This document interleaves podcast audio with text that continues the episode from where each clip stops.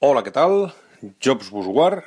Avui estem a 7 de novembre de 2016 i aquest és l'episodi número 43 d'Això és Mac. Bé, el primer de tot, demanar-vos disculpes. Eh, en un principi, aquest episodi eh, hauria de ser, i és, bé, serà, eh, sobre la Keynote que, que va haver doncs, quasi fa dues setmanes. Normalment ja em sol, em sol que esperar eh, aproximadament una setmana per, per, per no fer eh, un anàlisi deixant-me portar o bé pel fanboy o bé pel, pel hater depèn de la situació. Normalment eh, em, quedo content amb les keynotes eh, el motiu per què he trigat tant és que, com us, com us deia, eh, normalment sempre m'espero una setmana, però eh, quan ja tocava gravar aquest episodi, doncs per uns problemes de feina que han vingut una mica així sobrevinguts, doncs eh, no em va permetre gravar, no podia, no podia estar per, per fer l'episodi i bé, doncs ara que he tingut l'oportunitat eh, volia gravar-ho. També podia haver passat al següent tema, però tampoc no, no, no em venia de gust. Sempre intento fer l'anàlisi la, o, o el pseudoanàlisi o la meva opinió sobre la, la Keynote última, més o menys, com us dic, al cap d'una setmana, i no em semblava bé saltar-m'ho. Tot i preferia, prefereixo fer-ho mm, allò de més val tard que mai. Doncs bé, eh, com us anava dient, doncs el tema de, de, la, de la Keynote.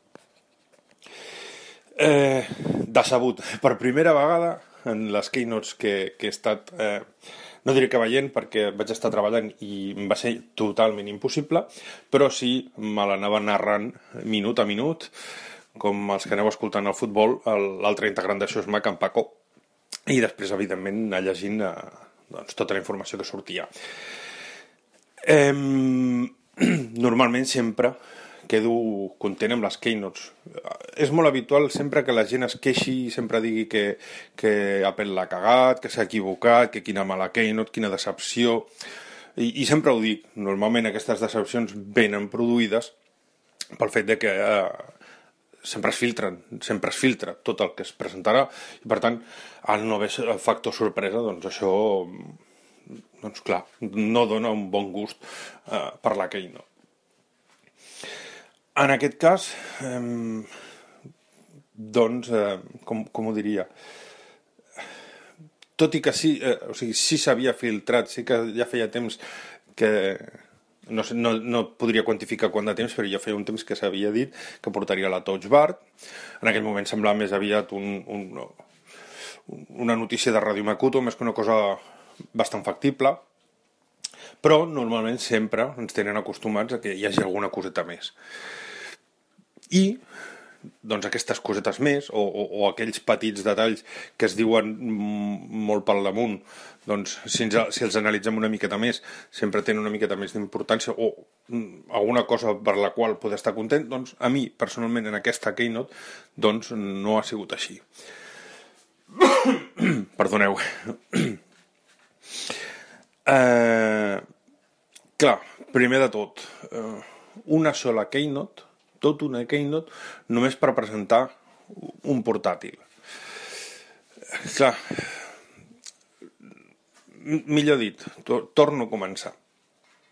L'eslògan de, de, la, de la Keynote, com ja sabeu, cada, cada Keynote posen un, un eslògan que és bastant enigmàtic, fins que no arriba a la presentació no, no arribem a entendre o a copsar el perquè d'aquell eslògan.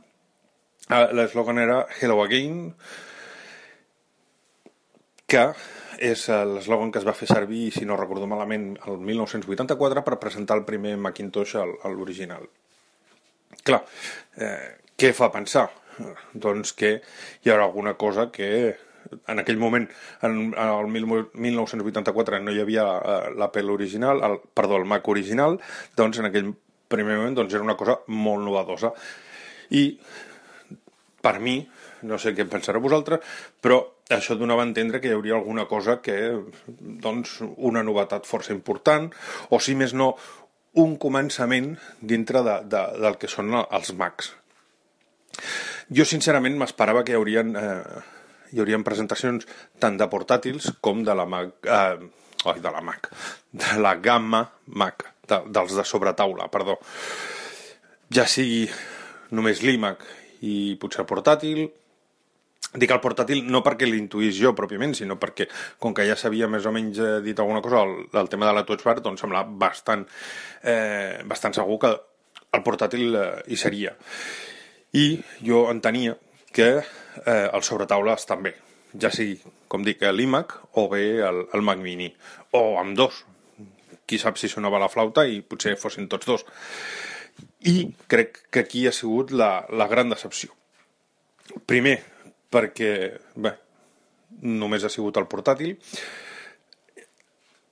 Torno a repetir, entenent que el que deia l'eslògan donava a entreveure una altra cosa, eh, que totes aquestes coses són bastant, bastant eh, eh, subjectives, cadascú podem tenir les nostres sensacions, eh, les nostres apreciacions, eh, la, la, les notícies que ens arriben les interpretem d'una manera o d'una altra. Però clar, una cosa que crec jo eh, tinc molt clar, Apple normalment juga a, amb el que és el tema de sentiments, les sensacions. Eh, per què? Perquè el que ofereix és un producte que si, ens el, si el penséssim potser molt de cap, diríem, home, és molt car, eh, no el necessito, potser, etc. O sigui, potser si ho penséssim amb, fredament amb el cap, hi hauria molta gent que potser no es compraria un, un, un producte d'Apple, ja sigui un dispositiu mòbil, un iPad, un iPhone, com, com un de sobretaula, un, uns ordinadors, vaja. Llavors, té la seva part bona i té la seva part dolenta. Clar, jugant amb els sentiments, si ho aconsegueixes bé, eh, doncs aquests sentiments eh, juguen al teu favor. Aquella persona, si realment li has entrat pel cor eh, i, i, i l'has, eh, entre cometes, commogut o li has fet sentir alguna cosa positiva, doncs molt probablement te'l guanyis i el tinguis a la butxaca. Però és una arma de doble fil. En el moment en què tu jugues amb els sentiments, eh, dones a, a entreveure alguna cosa i després no ho dones, és quan venen les decepcions, que és el que jo crec que ha succeït aquesta vegada. Eh, crec que, doncs, aquest Hello Again donava a entendre perdoneu, que hi hauria una renovació de gamma de, dels ordinadors, del sobretaula sobretot, i el, el, el MacBook Pro, com dic, perquè ja, ja s'havia eh, ja s'havia mig filtrat.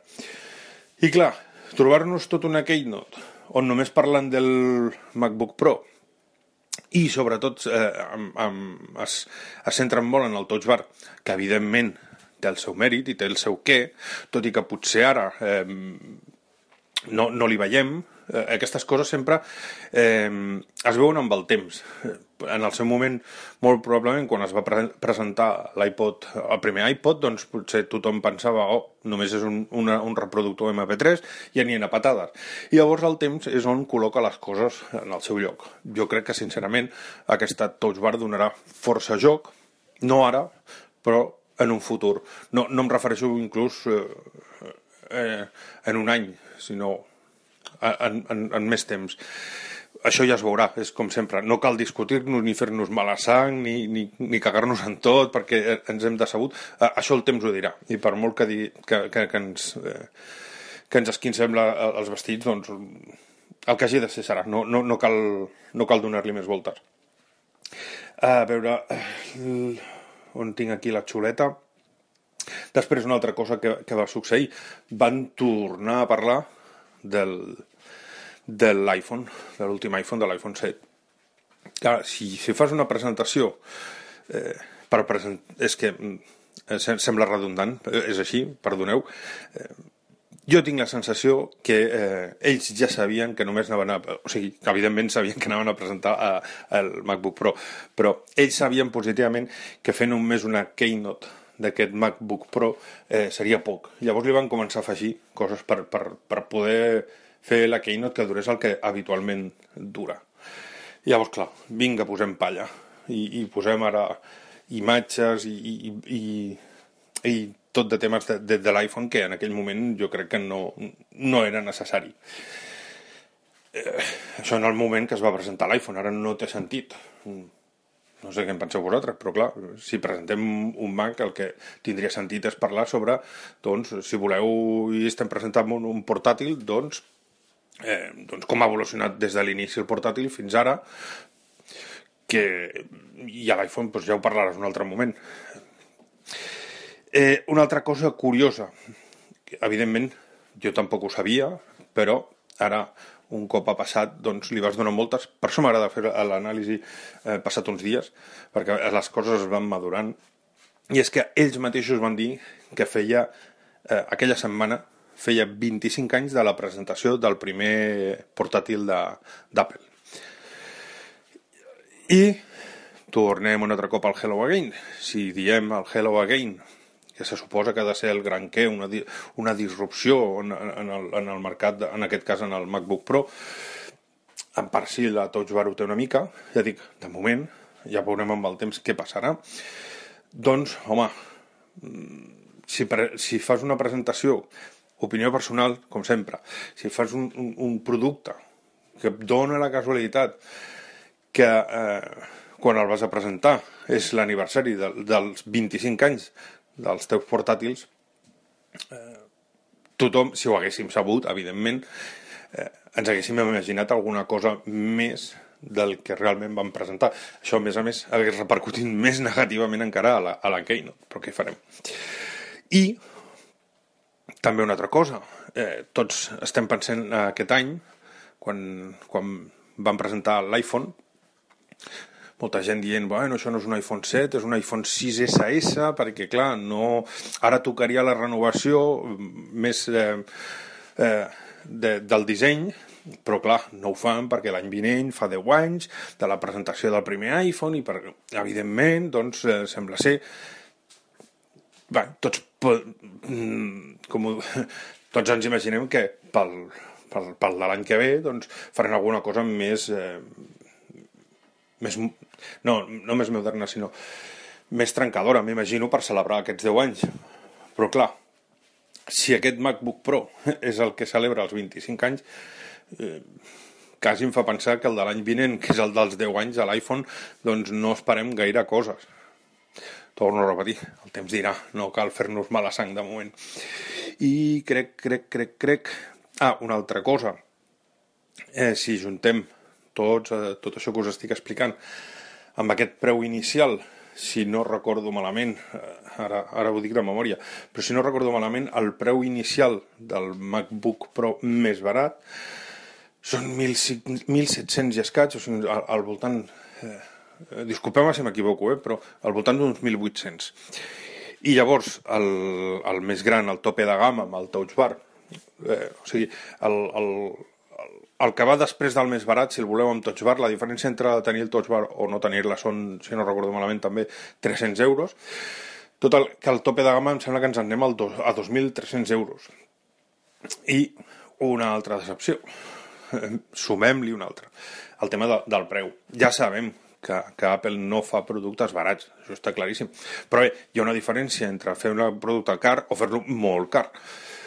Eh, clar, si partim d'uns 1.700-1.800 euros fins a, un dos, a uns 2.300 euros, home, pica, pica força. Clar, hi haurà molta gent doncs, que es vulgui comprar, evidentment, un, un MacBook Pro i no s'ho pugui permetre. A veure...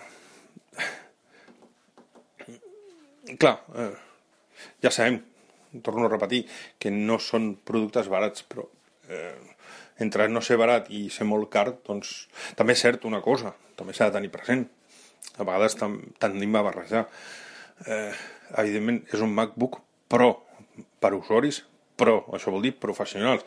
No és el mateix... Eh, la, la, les eines professionals, evidentment, no valen el mateix que el que val un, un qualsevol cosa que no sigui professional. Ara parlem de dispositius, però això seria eh, aplicable, per exemple, a qui, sigui, eh, qui tingui, eh, sigui manetes a casa, no és el mateix comprar-se unes eines per, per tenir a casa per fer quatre coses que el que li costarà a una persona que necessiti aquestes eines professionalment, un, un, ja sigui un, un mecànic o ja sigui eh, el, el, el lampista que ve a casa evidentment les seves eines valen molt més. També se suposa que és la seva, la seva, el seu modus vivendi, necessiten unes eines millors, tenen una qualitat més gran, i se suposa que la renta, renta, caram, rentabilitzarà, perdoneu, la, la, els hi traurà un profit, cosa que a l'usuari que no és professional doncs no, no li traurà. Llavors, aquest ordinador és car? Sí, clar, per un usuari mitjà, doncs sí, força car. Però se suposa que això és per un usuari professional, que li traurà ja dic, un rèdit, eh, ja sigui una empresa, ja sigui, entre cometes, un autònom, no sé si els autònoms ho podran permetre amb aquests preus, més com està l'economia. O sigui, se suposa que qui es compra una, un ordinador d'aquestes característiques és perquè realment després eh, la diferència entre tenir aquest ordinador o no tenir-lo fa que pugui tenir, en teoria, uns beneficis més grans o uns, poder fer la, la mateixa feina en menys temps, eh, fer-la en menys temps vol dir que en el, amb, amb les mateixes hores de la jornada podràs fer més feina i per tant eh, ingressar més diners. Va, eh, més o menys, perquè m'entengueu. Doncs res més, tot això ha sigut el meu petit anàlisi. Espero que us hagi agradat. Eh, com sempre, tot allò que vulgueu comentar, preguntar, suggerir, queixar-vos, doncs com sempre el departament de màrqueting de Xosmac, que seria el correu electrònic a aixosmac.gmail.com o bé a Twitter a arroba aixosmac. Res més i fins al proper episodi. Adeu!